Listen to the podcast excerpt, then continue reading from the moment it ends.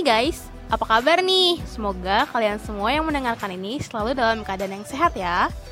Kenalin, gue Stefani dan kali ini gue mau ajak kalian untuk ngulik sedikit nih tentang pariwisata.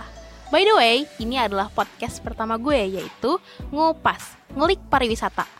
Dan kali ini gue gak mau sendirian nih. Jadi gue membawa salah satu sahabat gue yang bukan orang pariwisata. Tapi nih dia tuh udah sering banget eksplor ke banyak tempat terutama gunung. Jejeng, Cok kenalin diri lu dong. Hai guys, gue Ponco dan gue pengangguran yang hobinya buang-buang uang alias jalan-jalan. Wih mantep nih. Terakhir liburan ke mana nih Cok? Terakhir sih gue liburan ke Gunung Guntur mantep banget Gunung Guntur Emang udah pernah ke gunung mana aja nih BTW?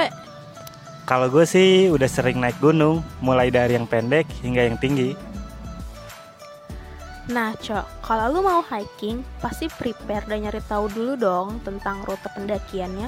Iya nggak sih? Wajib dong, biar bisa menentukan rute pendakian yang benar. Berarti, lu mempersiapkan ini semua demi mencapai tujuan lu yaitu ke puncaknya kan? Iya nggak sih? Iya dong, bener banget Step. Nah, ini dia nih, sama nih halnya dengan pariwisata.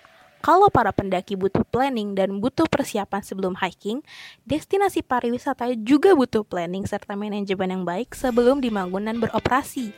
Hal inilah yang kita sebut VPS. Lu sendiri nih, Cok, yang sering jalan-jalan, pernah nggak sih dengar tentang apa itu VPS? Belum sih, VPS itu apa Step? Jadi, VPS ini adalah Visitor Planning Strategies, yang di mana ini merupakan perencanaan penggunaan lahan yang sangat penting dan bertujuan untuk konservasi, serta meminimalisir dampak yang ada akibat tingginya aktivitas wisatawan di destinasi pariwisata tersebut. Nah, kali ini gue mau ngebahas salah satu aspek yang ada di dalam VPS ini, yaitu carrying capacity. Nah, mau tanya nih Cok, sebelum mendaki, pasti harus melewati jalur masuk khususnya nggak sih? Nggak bisa sembarangan masuk dan seenaknya naik ke gunung kan? Tahu nggak alasannya kenapa?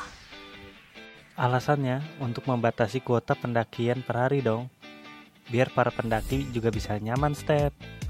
Ya karena kan kita para pendaki tuh naik gunung biasanya mau cari udara segar yang jauh dari keramaian kota. Kalau di gunung rame banget sampai jalur pendakiannya macet ya esensi naik gunungnya ya gak ada.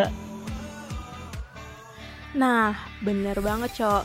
Selain untuk kenyamanan dan keamanan para pendaki, jumlah pendaki dibatasi setiap harinya demi menjaga kelestarian gunung itu sendiri loh.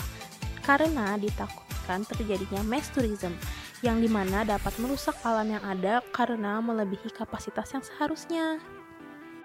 Bener banget Step. Gue baca di salah satu berita kalau Gunung Gede Pangrango cuma membolehkan 600 pendaki doang kuota perharinya. Nah itu juga tuh cok.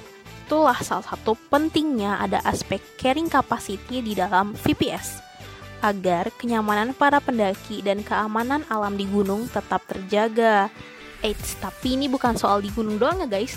Tapi di semua destinasi pariwisata yang ada kalau kata UNWTO sih, penggunaan maksimum suatu situs tanpa menimbulkan dampak negatif pada sumber daya dengan tidak mengurangi kepuasan wisatawan dan tidak memberikan dampak buruk pada masyarakat, ekonomi, dan budaya daerah tersebut. Oke deh, jadi kayaknya nih segitu dulu ya pembahasan kita kali ini. Semoga di waktu yang akan datang gue bisa lebih banyak lagi ngebahas tentang pariwisata di podcast Ngupas ini. Mudah-mudahan akan ada Ngupas 1, Ngupas 2, Ngupas 3, dan seterusnya ya. Jadi gue bisa sharing lebih banyak dengan kalian dan teman-teman pendengar semua. Semoga ya guys, doain aja. Akhir kata, thank you so much buat Ponco yang udah mau nemenin gue hari ini Dan thank you banget buat kalian yang udah setia dengerin gue di podcast gue kali ini Goodbye and have a nice day.